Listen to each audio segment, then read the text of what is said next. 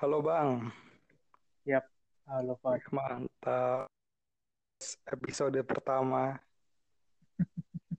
Selamat atas episode pertama podcast lo. Terima kasih. Ada Kembali. karangan bunga yang dikirim dari Ciledug. Bunga bangke mau.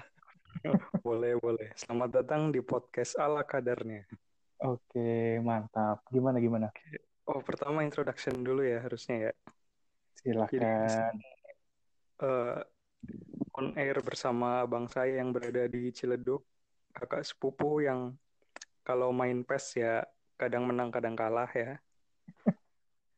Oke, oke, oke. Lanjut, Gimana? lanjut. Sehat Bang, sehat. Alhamdulillah sehat-sehat. Lu gimana sehat? Sehat, sehat terus saya sehat. Bisnis sehat bisnis. Sehat, sehat. Mantap. Mantap. Oke Gimana Bang, ini malam ini kayaknya kita ngobrolin bola sih kayaknya ya. Boleh, boleh, boleh. Yang yang menarik tuh gini ya, kita ini berdua kan rival banget ya. Hmm, Rivalnya pakai banget gitu loh. Aku pendukung MU, Anda pendukung mana tuh klub mana sih namanya? Aduh lupa deh namanya. eh, Merseyside Red asik. Oh, itu di PES ya Merseyside Right ya. Kalau di. FIFA kan bener tuh. Iya, iya, iya. Liverpool, Liverpool gila mau juara, mau juara. Akhirnya ya, setelah Akhirnya setelah 30 tahun, setelah empat presiden berganti di Indonesia, setelah era Orde Baru sampai era reformasi. emang terakhir kapan sih juara? Katanya sih ya, katanya. Kata koran nih. kata sejarah yang tercatat lah Iya, tahun lap- 89 kalau nggak salah pas gue lahir lah pokoknya 89. Wow, yoi saya saja belum direncanakan Tuhan itu. Masih lama sekali. Eh, Pokoknya cerita dulu dong, eh, awal mula suka Liverpool tuh gimana sih? sebenarnya kalau lo mau tanya gue suka Liverpool itu belum lama sih Oh gitu. karena sebenarnya tim favorit gue dari zaman kecil itu Juventus gitu loh Oh gitu. Nomor satunya Juve, keduanya baru Liverpool gitu. ya betul kayak gitu karena sebagai generasi 90-an Mm-mm. Liga Inggris eh Liga Italia tahun 90 tuh paling top-topnya lah Oh gitu iya, kan betul, betul, betul. Iya. pemain dunia mana yang nggak main di Italia waktu itu kan dari zaman siapa disebut aja Ronaldo Ronaldo, iya siapa lagi? Batistuta, Batistuta. Totti, Totti Del Piero. Trezeguet. nah dulu waktu lagi top topnya justru gue mengenal sepak bola Eropa awalnya dari Juve sih gitu. Dari ini eh, pemain pertamanya Del Piero taunya atau siapa? dan kalau mau diceritain latar belakang gue suka Juve tuh cupu sih Eh, alasannya. gimana gitu? Wah, semakin cupu tuh semakin menarik di podcast. Jadi em, awal gue kenal sepak bola dunia atau sepak bola Eropa tuh awalnya ya biasalah dulu bapak beliin gue PlayStation X Heeh. itu lebih PSX jadul dari ya, PlayStation PSX. ya lebih jadul dari PS1 kan Yes. itu dulu awalnya tuh game yang game bola yang awal gue punya tuh FIFA 98 Oke. lagi ada episode World Cup Friends 98 tuh dari awal gue mainin FIFA itu aja gue belum tahu Juventus gimana gimana Mm-mm. awal gue tahu yaitu dari kakak gue kakak gue kan cewek nih Heeh. Nah. seorang gadis remaja perempuan bisa menyukai sepak bola itu cuma ada dua opsi Heeh. kalau nggak ikutan pacarnya Yes. atau ada pemain yang ganteng itu doang Oh iya, itu. Itu.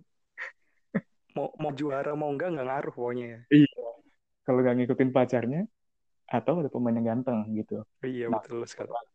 kebetulan eh, kakak gue ini itu opsi yang kedua ada pemain yang menurut dia ganteng gitu loh yang dia idolakan lah Dan dia adalah Eh, Filippo Inzaghi Oh, aduh.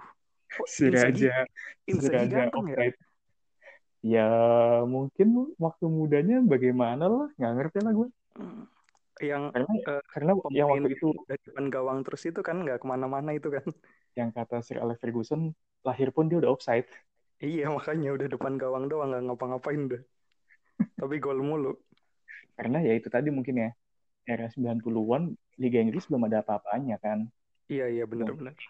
Itu Liga Calcio Serie A di RCTI waktu itu kan. Itu lagi Iya. booming-booming, lagi em, rutin ditayangin di TV swasta nasional kan. Dulu RCTI SCTV ya masih gabung kan ya Liga Italia. eh zaman gue ngikutin sih udah udah eh, FCTI doang sih. Udah RCTI doang. Hmm. Tahun 2000-an baru setelah itu dua stasiun deh kalau nggak salah ya. Dua stasiun. Iya. Nah dari situlah cerita awalnya gue tahu Juventus. Untungnya yang diidolakan adalah yang diidolakan kakak gue adalah klub raja Italia ya. Iya iya iya. Nggak kebayang kalau waktu itu kakak gue mengidolakan Chievo Verona atau Atau Salernitana Sampdoria, Sampdoria gitu kan. atau Brescia Brescia. tim-tim tim-tim mediocre entahlah apalah gue Aduh. jadinya sekarang gitu. Dan Gitu udah sih. keburu cinta mati nanti. Nah itu dari situ awalnya gue em, masih zaman gue tuh dari tahun 9 berapa ya? 97 98 lah Hmm. gue mulai, mulai kenal Juventus itu. Yaitu dari Filippo Inzaghi terus gue ikutan nonton kok menang mulu nih Juventus Kok gitu menang kan. mulu. Kok menang mulu gitu kan. Ya udah yang gue tahu dari tahun-tahun itu ya Inzaghi, Del Piero, Zidane, Peruzzi, Deschamps, ya pemain-pemain tahun 90-an yang bagus-bagusnya lah gitu. Iya. Mega bintang juga ya udah waktu itu ya. Udah udah Liga Italia lagi naik daun, pemain-pemain Juventus lagi kalau nggak salah tuh semua posisi eh, starting eleven-nya tuh pemain timnas Timnas semua. semua ya. Udah Buffon kan berarti ya? Belum, masih Peruzzi. Oh belum. Belum. Peruzzi waktu itu. Itu masih di Parma ya? Eh mana? Di Parma Parma. kan? Betul. Karena karena gue ingat banget kisahnya si Buffon pindah ke Juventus itu tuh eh, ala- salah satu alasannya dia pindah ke Juventus karena dia mau main bareng sama Zidane. Dilalah, Hmm. dilalah Zidane pindah ke Madrid. Kan Bangke. Bagus, bagus, bagus. gitu. Terus kalau Liverpoolnya sejak kapan tuh? Justru Liverpool ini gue belum lama sih. Mungkin karena Liga Liga Italia setelah setelah apa namanya Calciopoli terus juara Ah. dunia itu kan pamornya udah mulai turun tuh Liga Italia itu udah banyak Iya, iya. ya sejak Calciopoli kan bintang-bintang pada eksodus semua kan dari Liga Italia Iya, khususnya iya. dari Juve gitu kan.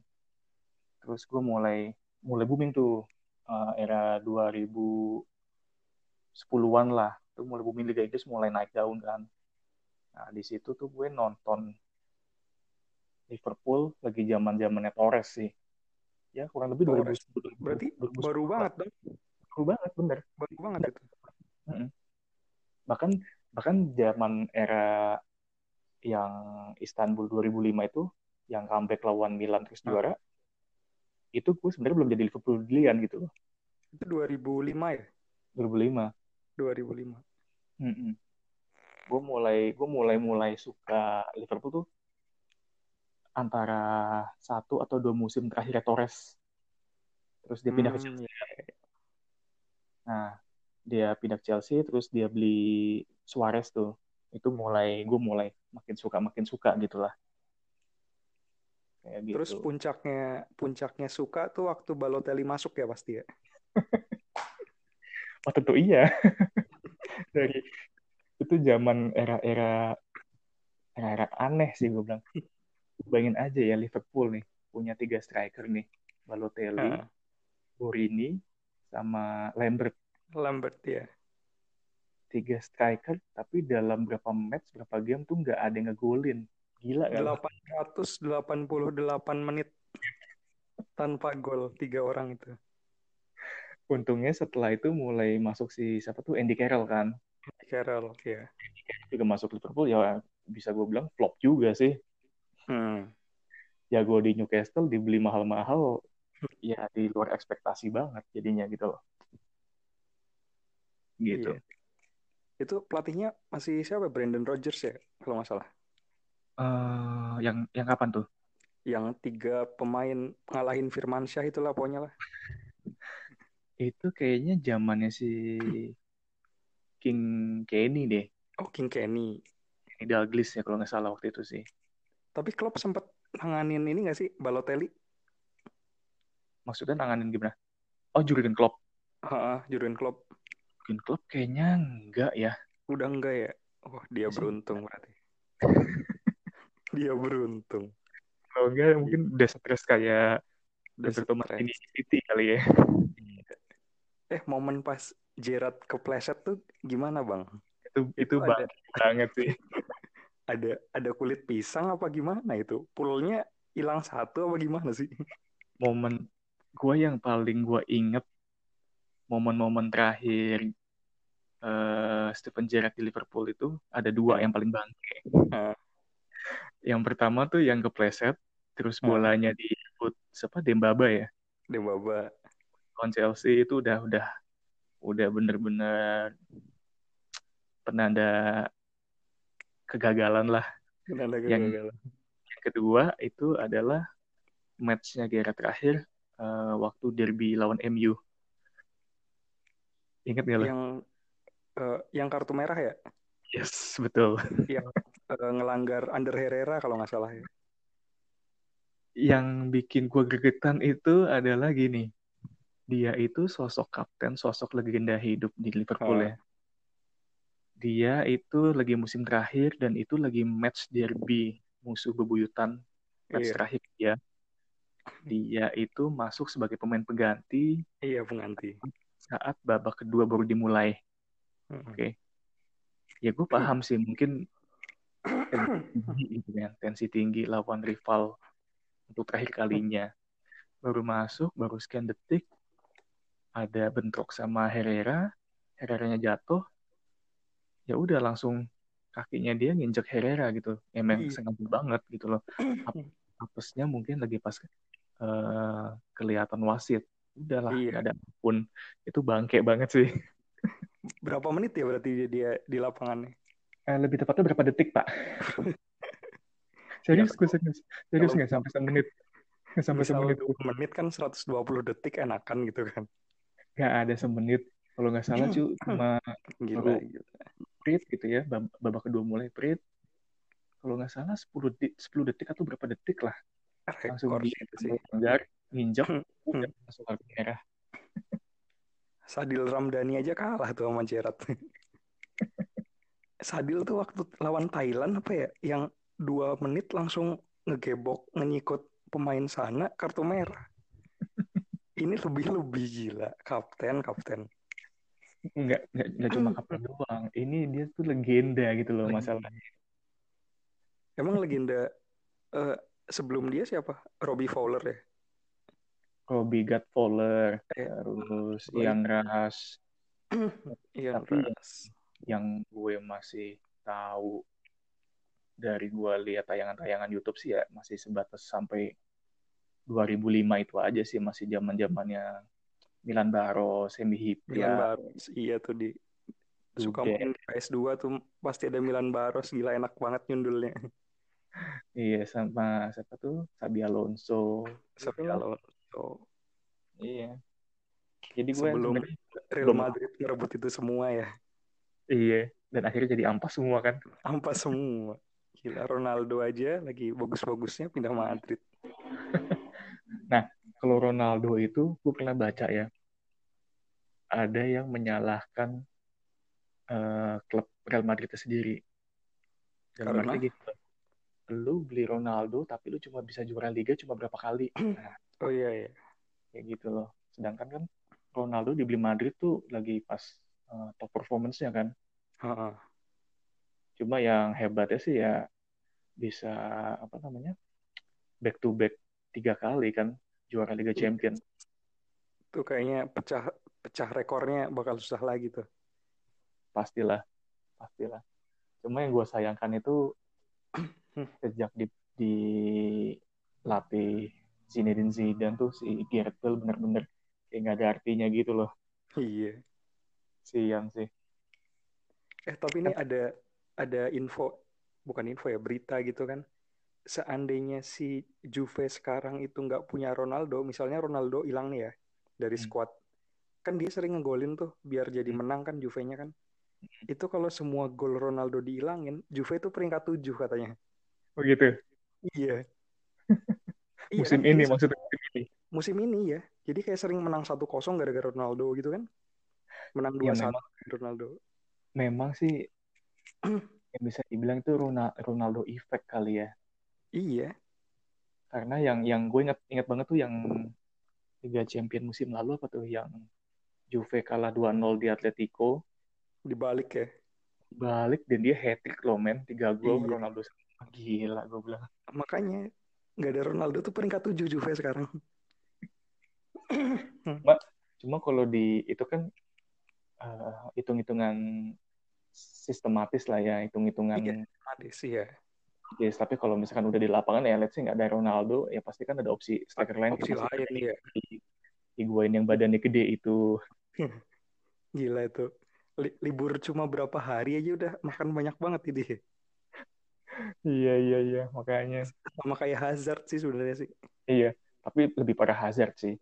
Para Hazard, iya. Hazard tuh dari Chelsea ke Madrid langsung begitu badannya kan. Iya gila melar banget. Iya, kalau Cuma kalau si Had kenapa? ya cuma kalau si si Higuain dari Napoli ke Juve tuh masih lumayan badannya masih ya Atletis gitu. proporsional. proporsional. Hmm. Nah, mulai-mulai berjalannya berapa minggu tuh udah mulai gemuk tuh kelihatan. Kalau Hazard kan Iya. di Chelsea langsung gemuk gitu kan, kayak disuntik Ah, silikon kali itu badannya tuh gitu loh. cuma si Hazard itu waktu di Chelsea kan kata teman-temannya dia emang males latihan ya. Oh gitu. Cuma dia walaupun males latihan jadi MVP MVP terus gimana dong? itu Berarti berarti ada dua, ada dua kemungkinan antara Ah. nama dia itu dianugerahi bakat oleh Tuhan Ah. atau pemain Chelsea-nya ya lu tahu sendiri berarti kan. sampah semua. Tapi Chelsea sebenarnya Chelsea sebenarnya apa ya? Mungkin mungkin tergantung pelatih kali ya. Karena Pelatih, betul. karena pemain-pemain yang dia punya tuh menurut gue tuh oke-oke loh dari Iya. dari zamannya dulu Mourinho 2004 itu Drogba tuh. iya sampai terakhir yang juara Champions yang latih di Matteo Ah, itu pemain-pemainnya tuh sekelas Oscar, Torres, William, Terry, Lampard itu tuh maksud Iya. gue jago-jago sih cuma mungkin ya tergantung pelatihnya juga sih gitu loh Iya. 11-12 sama klub saya ya, Pak. tapi kalau Udah. Enggak, kalau, kalau MU sejak ditangani siapa ya? Sejak ditangani Ryan Giggs ya, sampai sekarang. Itu hampir lebih dari 50% lah. Teman-teman barunya gue nggak ada yang kenal sih. Dalam arti, mungkin dia mengorbitin pemain-pemain muda, atau mungkin dia Ah. mampu membelinya tuh pemain-pemain yang bukan tier 1 gitu loh. Bukan yang level top class gitu loh. Paling Nah, yang yang ah. yang yang bagus paling cuma siapa sih Pogba Iya, kemudian Gue setelah di waktu masih di MU juga begitu. iya dan menurut gue kayaknya eh, penurunan ya sejak dari Juve ke MU tuh kalau gue ngeliat kayaknya penurunan em, prestasi gitu loh penurunan skill si Pogba-nya sendiri bener gak sih Iya bener. Badannya aja gedean sekarang kan, kayak gemuk gitu. soalnya kalau gue ngeliat dulu zaman di Juve tuh kayak dia bener-bener apa ya pemain sentral yang bener-bener dibutuhin gitu loh Iya. Dan gerakannya itu cepet gitu loh. dan tandemnya itu di Juve waktu itu empat tuh. Pirlo, Vidal, Marchisio, sama Pogba. Itu Iya. udah udah mantep banget gitu. Mungkin Mau- pindah ke Mau tiki taka juga enak. mungkin setelah itu dia pindah ke MU lagi dengan beban pemain termahal dan nggak ada tandem sebagus yang di Juve jadinya kurang bersinar kali ya gitu. Atau mungkin memang karena Liga Inggris tuh mainnya cepet aja jadi nggak Iya, nggak nyetel lagi gitu. Mm-mm, gitu. Ya bayangin mau tiki taka ngoper Lingard terus kena musuh gimana dong? Nah, Susah. kayak kayak gitu-gitu tuh kayak zaman-zaman siapa sih ya? Hmm. Zaman-zaman MU baru beli-beli pemain kayak Lingard, Depay, terus siapa lagi sih? Kayak gitu-gitu tuh gue. Ini pemain-pemain yang kayaknya kok nggak nggak top class lagi yang dibeli kayak dulu kan zamannya ada Ronaldo, Nani, Rooney, Berbatov. Itu kan wih gila ngeri-ngeri banget kan. Iya. Itu sih kalau gue mandangnya sih. Bahkan waktu Berbatov 2008 itu ya, itu kan kalau misalnya kita lihat line up-nya tuh semua sisi kan top class ya. Hari Pak, Van Itu Sar, zaman-zaman Berbatov. zaman-zaman apa namanya? Tahun-tahun akhirnya Sir Alex Ferguson kan. Iya. Iya, Dan itu tuh ngeri katanya banget waktu di line up si pemain musuh ngelihat deretan pemain MU-nya starting line up-nya gitu semua udah udah kalah sebelum tanding dulu. Udah ngeri, Terus- Pak. Bener itu. Bayangin sekarang lihat eh Lingard, eh Pereira, eh belakang Fred, eh Maguire gemuk. Oh ya udah gampang gitu. Kan jauh. Dan kenapa Maguire dibeli segitu mahal ya? Gue juga heran sih. Wah itu. Dan Cuma- sekarang keluar lagi Soyuncu kan bagus kan si Leicesternya. Tapi yang satu yang gue gregetan ya, kalau lagi ketemu Liverpool ketemu MU tuh, MU nih trennya lagi lagi B aja nih, lagi biasa banget kalah, imbang, menang sekali kalah imbang. Tapi selagi ketemu Liverpool, itu De Gea tuh kayak kayak kerasukan apa gitu loh. Kerasukan ini ya kipernya Solin Soccer yang itu ya. Wah gila sih. Gue ingat banget tuh yang zaman-zaman masih ada Coutinho. Coutinho ya. Coutinho, Coutinho kan ciri khasnya tuh dia bawa bola dari sayap kiri, Ah, gocek agak ke tengah, langsung tendang Betul. dari luar luar kotak, melengkung gitu kan. iya. Nah itu gue ingat banget tuh, lagi momentumnya dia dapat kayak gitu, dia tendang, bolanya bagus banget di ujung pojok gawang, ditepis loh Pak sama De Gea, gila gue bilang. Ini Ya, ada biasanya pembicaraan di kalangan Mancunian ya. Jadi Ah. para Mancunian ini lebih suka ketika MU melawan tim besar daripada lawan tim kecil. Karena kalau lawan tim besar tuh mainnya bagus, lawan tim kecil ya ampun Pak. Nah. Tahun lalu lawan peringkat 20 kalah Pak. Temen gue pun Mancunian juga. Ah. Waktu waktu gue belum begitu suka sama Liverpool ya, temen gue eh, Mancunian dia itu bilang, nah, Dit, gue sukanya sama Liga Inggris tuh apa? Tim gede ketemu tim kecil belum tentu menang, itu serunya. Bener juga sih memang sih. Iya, Bahkan kalau lo lihat piala-piala apa sih? Bukan piala yang yang di Carling, bawah Carling. Carling kayak piala Carling yang divisi Premier League ketemu divisi 3, divisi 2 Hmm, itu belum tentu menang, Pak. Iya. Itu dia sih serunya gitu loh. Makanya kayak Liga Italia sebelum kompetisi mulai ah paling Juve menang. Nah. Liga Jerman ah udah siapa lagi? Liga Prancis lagi. Itulah mengapa sejak 2-3 tahun belakangan gue udah mulai boring dalam tanda dalam tanda kutip boring mendukung atau mensupport Juventus sih. Karena Kayak udah udah langganan ada ya, udah lawan. garansi garansi. ya udah nggak ada lawannya, udah nggak ada gregetnya di liga gitu loh. Iya. Paling paling oh waktu itu pernah tuh yang musim tahun berapa ya mungkin 3-4 tahun lalu lah. Juventus tuh lagi menang terus dan nggak pernah kalah. Imbang juga paling cuma berapa lah gitu. Wah lagi di atas angin nih Juventus ini nih kalau kalau gue baca di forum, wah lagi sombong-sombongnya gitu kan. Nggak pernah kalah, menang, imbang, menang, imbang gitu. Sekalinya kalah ketemu siapa? Inter, Pak. Itu tuh rasanya ya, rasanya tuh lagi terbang, lagi terbang tinggi, tapi kaki lu ditarik, terus lu dibanting dengan kencengnya ke, ke tanah kayak smackdown gitu loh. Itu, aduh, sakit hatinya tuh bener-bener deh.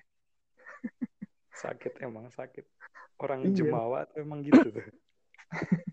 maksudnya tuh kalahnya tuh harus sama si rival yang ya sejak Calciopoli tuh udah udah makin makin gila-gilaan sih rivalitasnya Iya. sih sama Inter itu kan gitu loh Berarti Juve kalau saingan sama siapa nih sekarang? Napoli ya, paling dekat. Kalau gue lihat sih dua tiga tahun dua sampai empat terakhir sih rivalitas yang paling mepet sih Napoli sih. Napoli sama sama mungkin dua tahun tiga tahun terakhir itu Lazio. Lazio ya bener. Siro Immobile Immobile ngomongnya gimana sih? Immobile Immobile. Kita nggak usah sok Inggris lah, Immobile aja lah tulisannya begitu. Eh emang pelaf pelafalan Itali kayaknya gitu deh. Iya memang. Ciro, Bahasa Inggris Ciro ngomongnya. Itali aja. Gitu.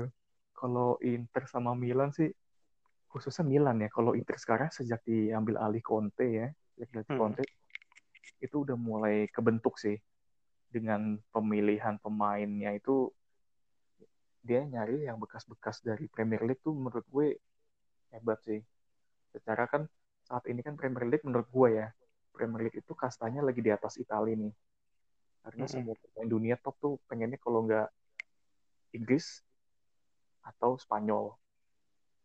Nah, si Inter ini dia tuh lu lihat aja datengin Lukaku, Sanchez, terus Ashley Young, Smalling. Young, Small, eh Small, Smalling gak ada yang Smalling mah di Roma ya. Smalling, AS Roma.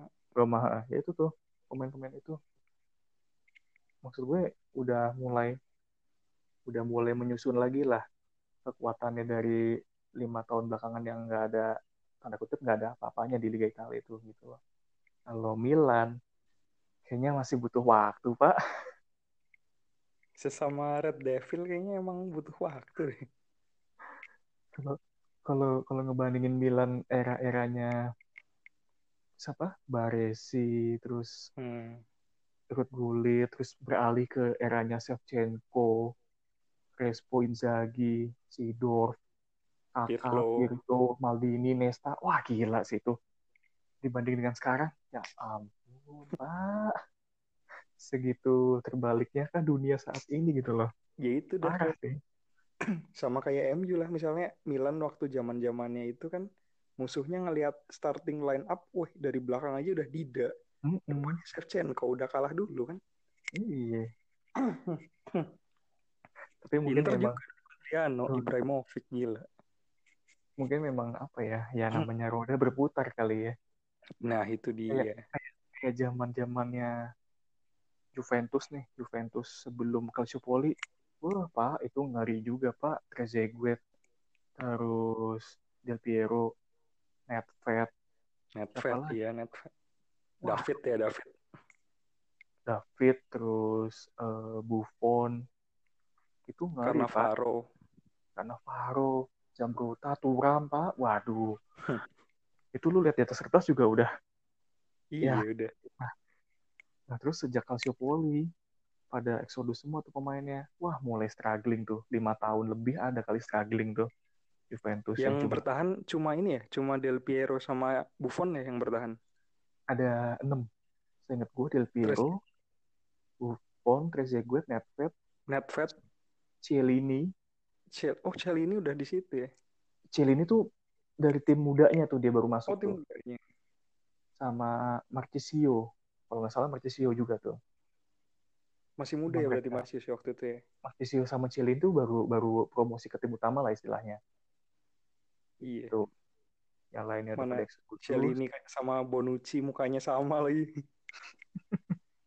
Coba Udah di, tuh. di Setelah- jalan ketemu salah satu pasti nggak tahu itu Celini apa Bonucci deh.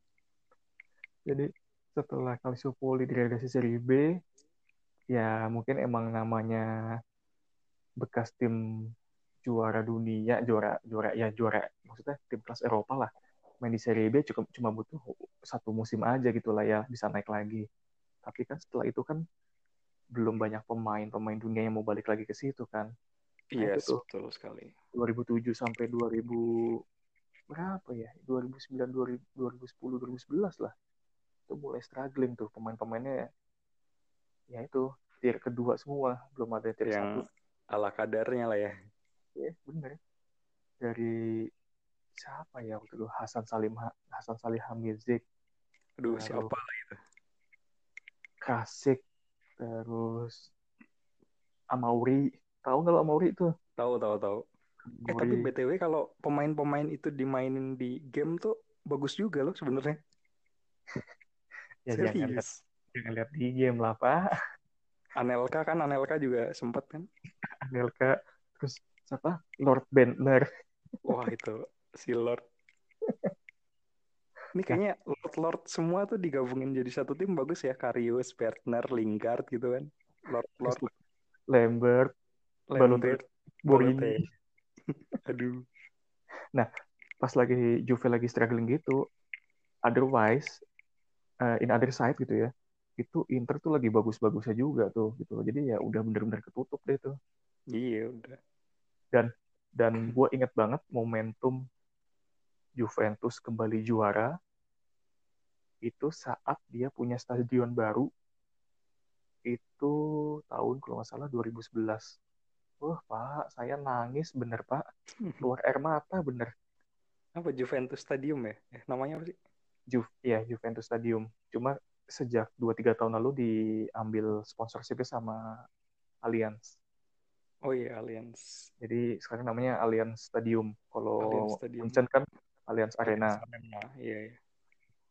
Itu bener-bener tuh yang setelah merasakan apa ya? merasakan gurun pasir gitu ya setelah Calciopoli terus juara lagi tuh kayak ketemu oase sumber mata air gitu wah bener-bener gue keluar air mata bener ngeliatnya istilahnya gila ya akhirnya klub gue itu bisa berjaya lagi setelah terseok-seok skandal itu gitu loh.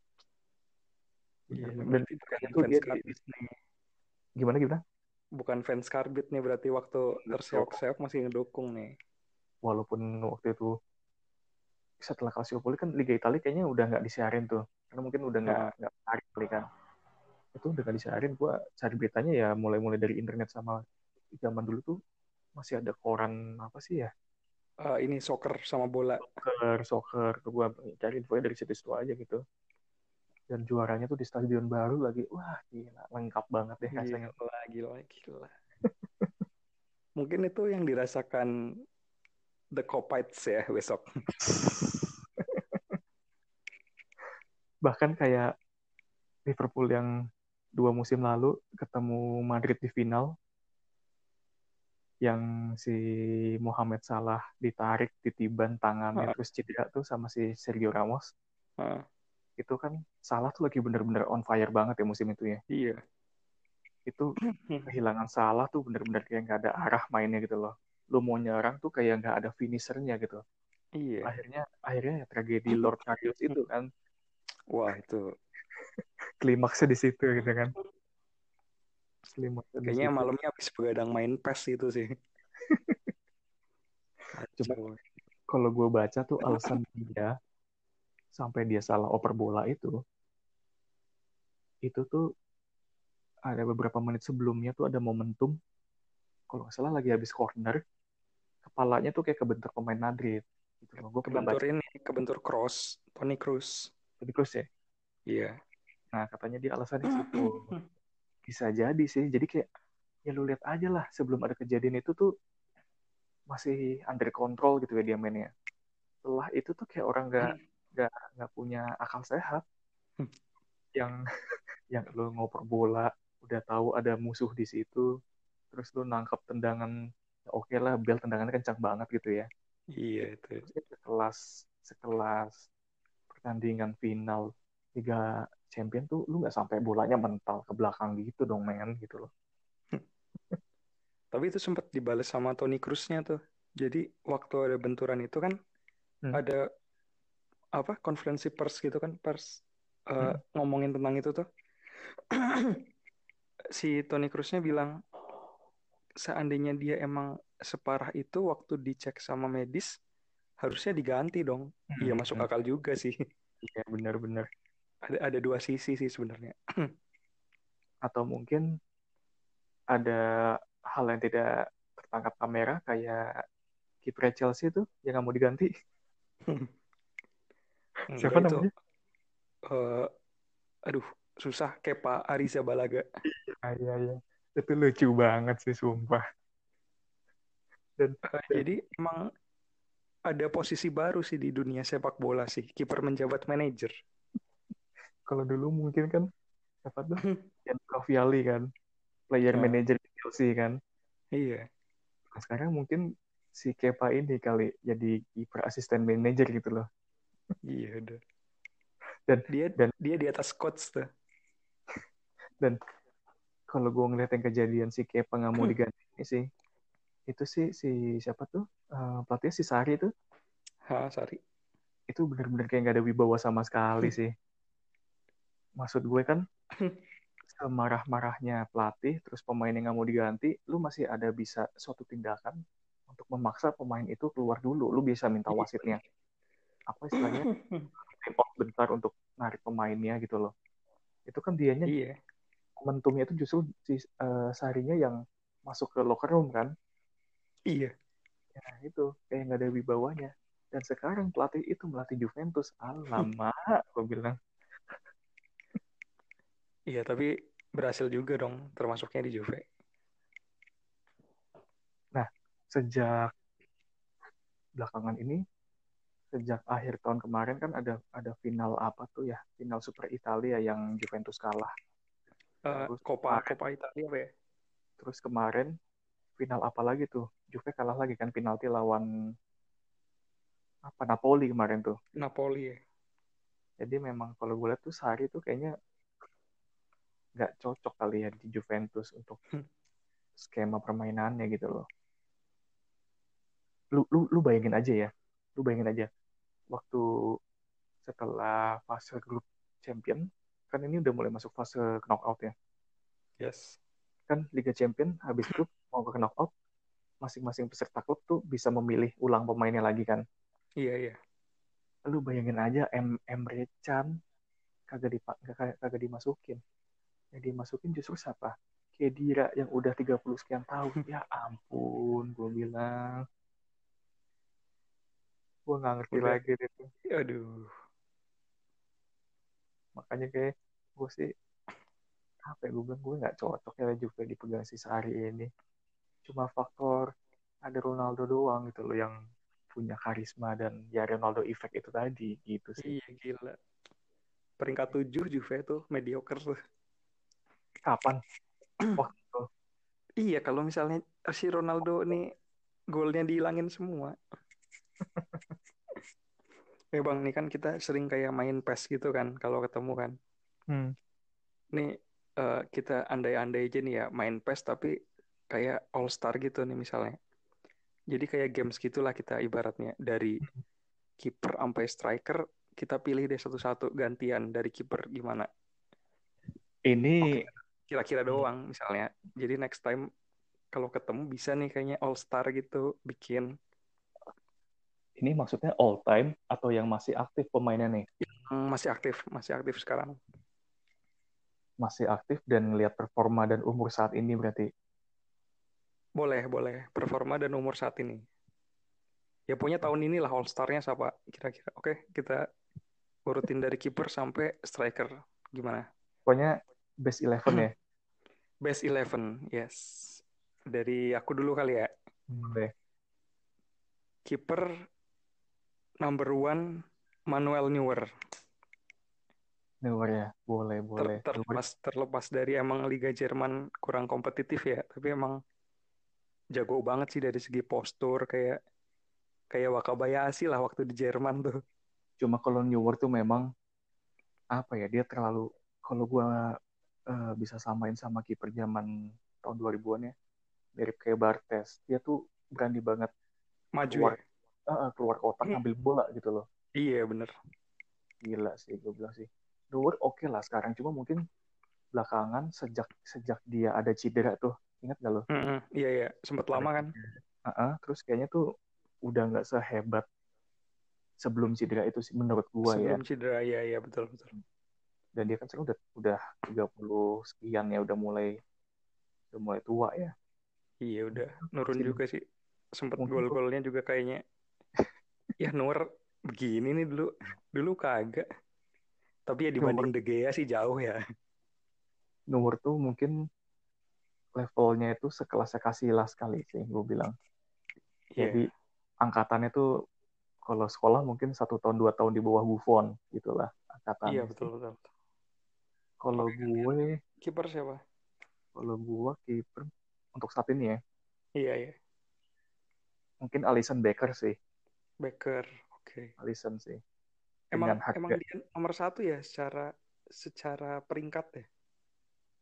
ya Golden Glove kan? Golden Gloves kan dia kan. Iya, ada Golden Glove. Dan di timnas pun dia nomor satu, nomor duanya kalau salah si Ederson Morales kan dia, Ederson. Ederson Moraes. Mor- Moraes ya. Moraes yang gol terakhir lawan MU tuh sangat-sangat memalukan. yang gua ingat dari Ederson Moraes itu dua sih. Satu, dia tuh pegang Guinness Book World of Record untuk nendang bola pegang tangan, Hmm. ditendang, itu tuh jauh banget, men. Dari ujung Iya, gawang bisa, bisa sampai hampir ujung gawang lagi. Iya di game juga begitu, dia begitu, Ederson. Dan itu itu mau apa? Hal pertama yang gue ingat. Hal yang kedua adalah saat mukanya tuh dihajar sama Sadio Mane. Oh iya iya iya. gue bilang, gue bilang nih Mane sakit jiwa juga nih. Masa muka orang dihajar pakai full sepatu gitu, gila, gila gue bilang. Mana serem banget sih Ederson kan tatoan di leher mukanya begitu. Yang gue baca tuh kenapa si Pep Guardiola ngambil Ederson, alasannya katanya Ederson itu jago ngalirin bola. Karena Hmm iya iya. iya. Pep Guardiola tuh butuh butuh pemain yang dari bener-bener dari belakang. Ya lu tau lah Pep Guardiola kan tiki taka banget ya. Ha, Yang dari belakang tuh udah bisa mengalirkan bola secara bagus ke pemain depan gitu loh. Alasannya katanya gue hmm, gitu. Gitu masuk sih. akal sih. Oke lanjut ke back kanan. Kanan, oke. Aduh, jadi serak mau ngomong back kanan. Siapa, Pak? Pak, Bisakah?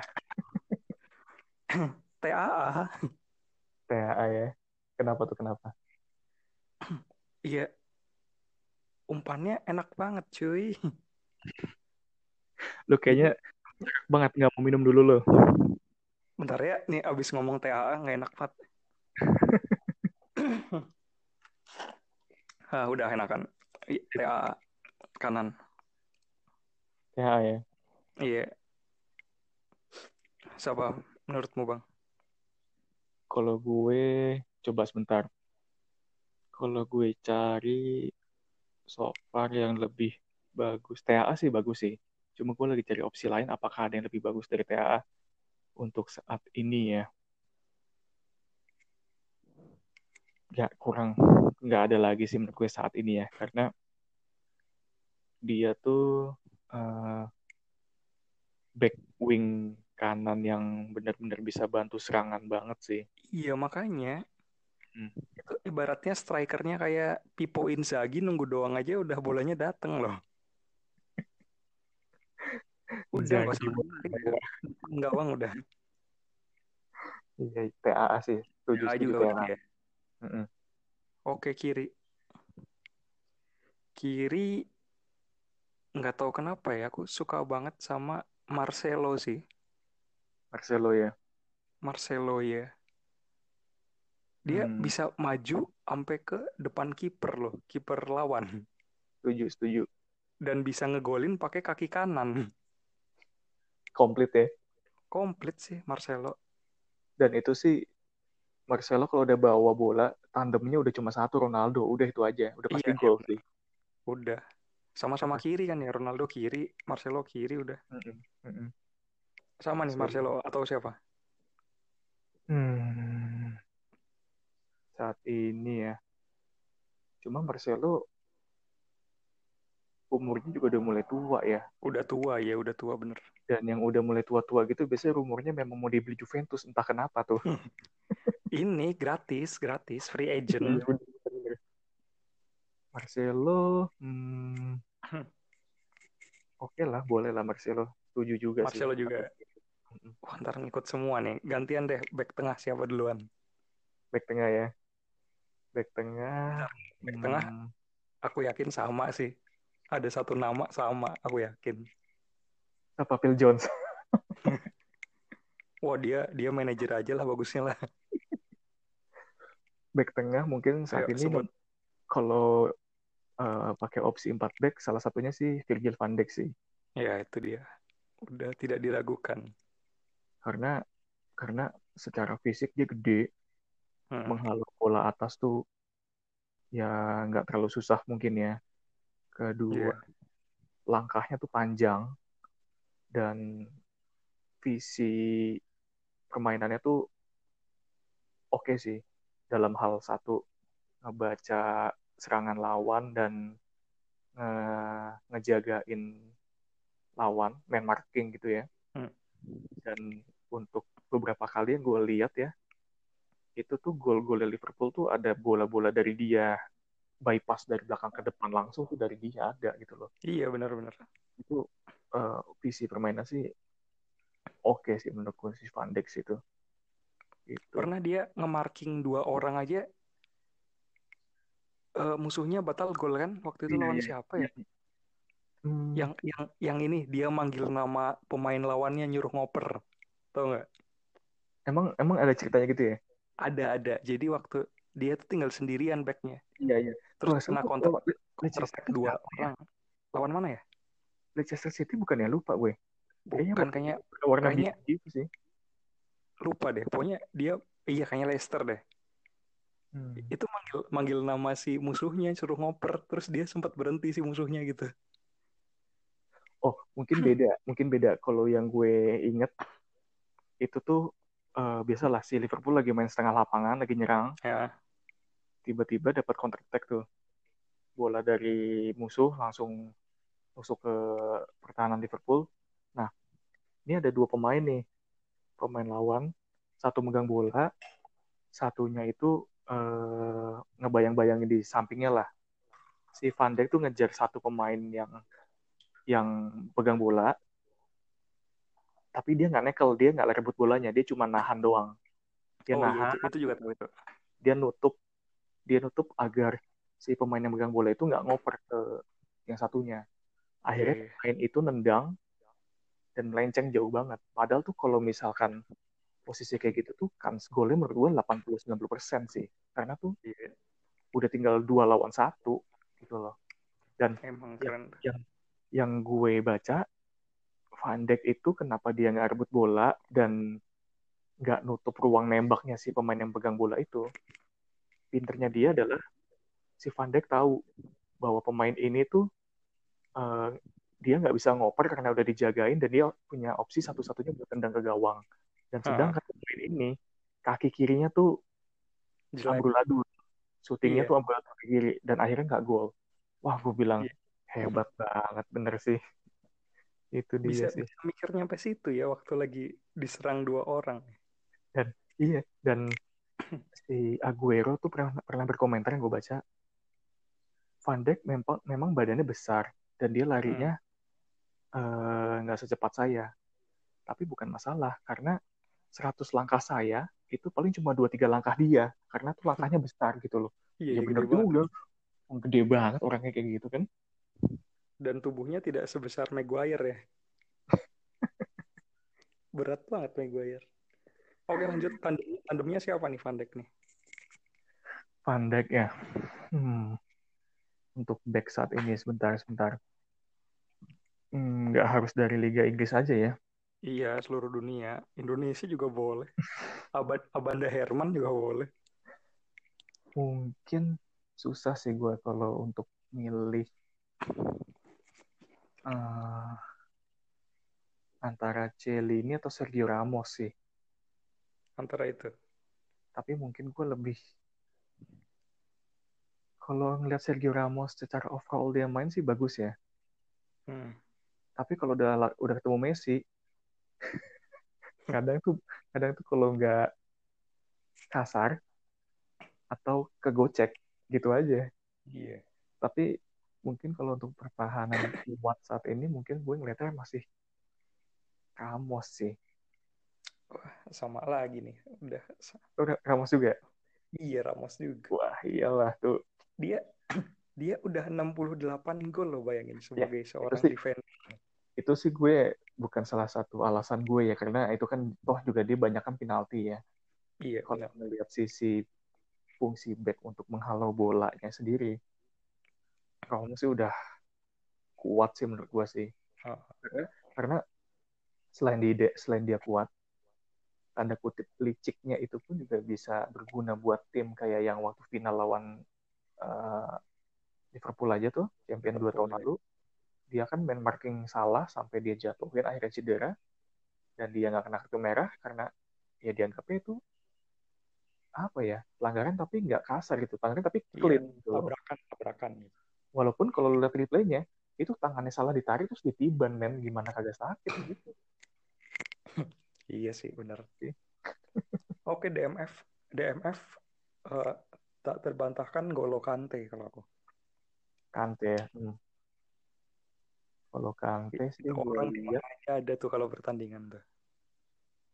Kalau Kante mungkin di Leicester dan awal-awal pindah ke Chelsea oke okay lah. Iya. Yeah. Tapi sekarang udah gak pernah dimainin ya kalau nggak salah ya. Iya, pindah posisi. Nggak nyetel ya. Iya. Siapa bang? DMF.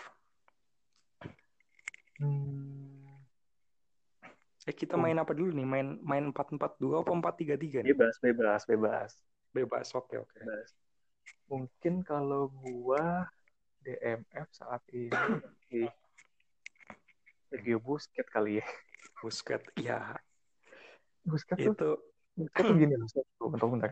Busquets itu mungkin pemain yang nggak punya skill hebat tapi dia mungkin di posisi yang selalu dibutuhkan gitu loh. Alasannya gue lebih ke situ aja sih. Cuma emang lambat banget sih. Betul. Dia lambat dan gak punya skill yang gimana, tapi kayaknya iya. tuh posisinya tuh tepat gitu loh dia. Mungkin udah ini ya, kayak nyetel sama Tiki Taka kali ya. Mungkin mungkin dia dikodratkan sama Tuhan kayak Filippo Inzaghi dengan bola depan aja. Iya bener. Kayak gitu aja sih. Gitu. Oke, Busquets ya. Lanjut hmm. tengah. Oke, uh, pertama aku mainnya 4-4-3. Eh, 4-3-3. Tengah tiga nih. Okay. Tengah uh, duet Modric sama Cruz. Itu kayaknya udah uh, penggantinya Safi Iniesta kali ya. Modric Cruz tuh udahlah cocok lah main terus berdua. Hmm. Bisa bisa. Bisa sih. Dirimu main main apa bang? 4-3-3 apa 4-4-2? Hmm, kalau gue main di PS pun gue nggak pernah masang winger dengan tengah 4 gitu sih. Tiga berarti? 4-3-3 sih. Salah satunya mungkin Siap. menurut gue itu Henderson sih. Henderson. Henderson tuh mungkin kalau di kalangan Liverpoolian seluruh dunia pun ya nggak cuma hmm. Indonesia ya. Tapi khususnya Indonesia sih, Liverpool Indonesia ah. tuh kayak selalu mengenyek Henderson gitu loh. Karena tuh dua tiga musim belakangan tuh Henderson tuh mainnya tuh ini lagi nyerang di Liverpool nih.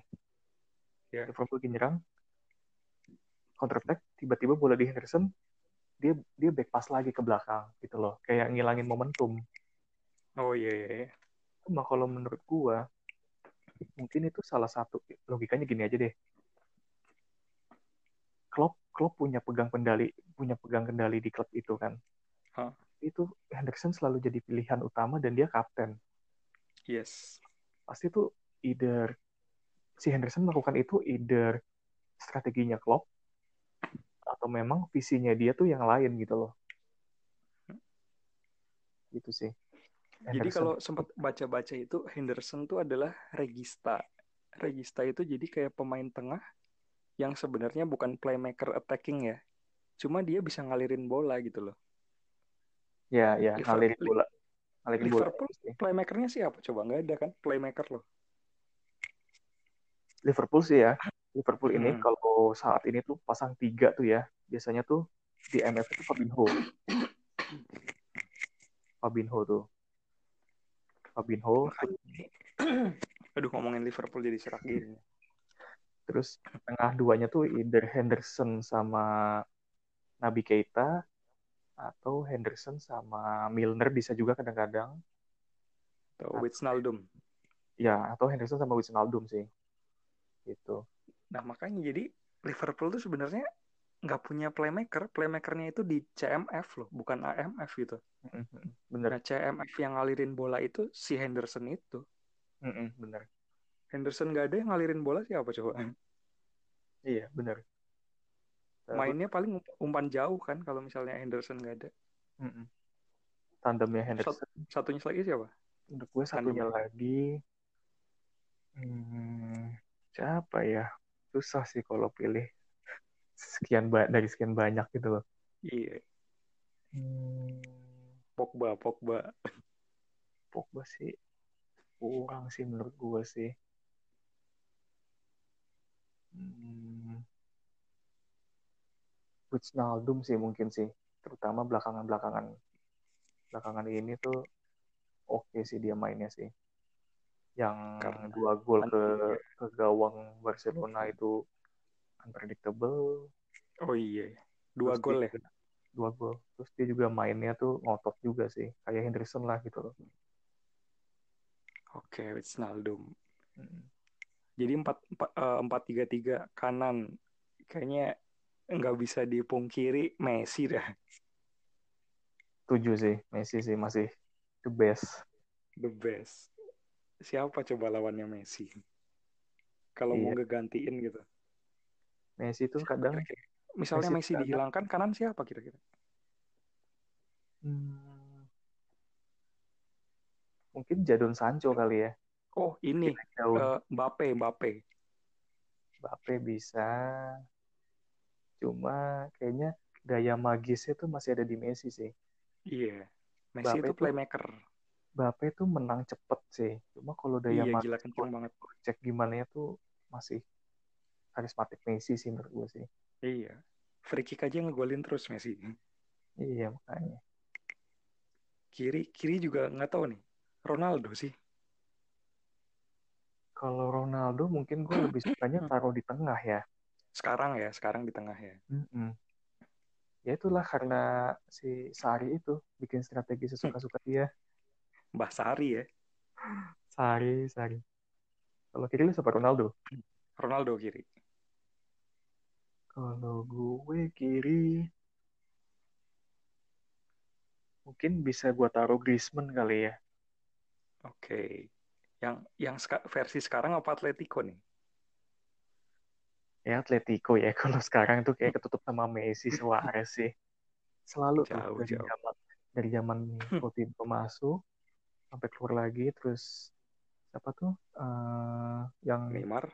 Dembele, Dembele, ya Neymar. Oh, Dembele. Dembele. Kayaknya tuh ketutupnya tuh Messi sama Suarez gitu loh. Jadi kurang ini aja.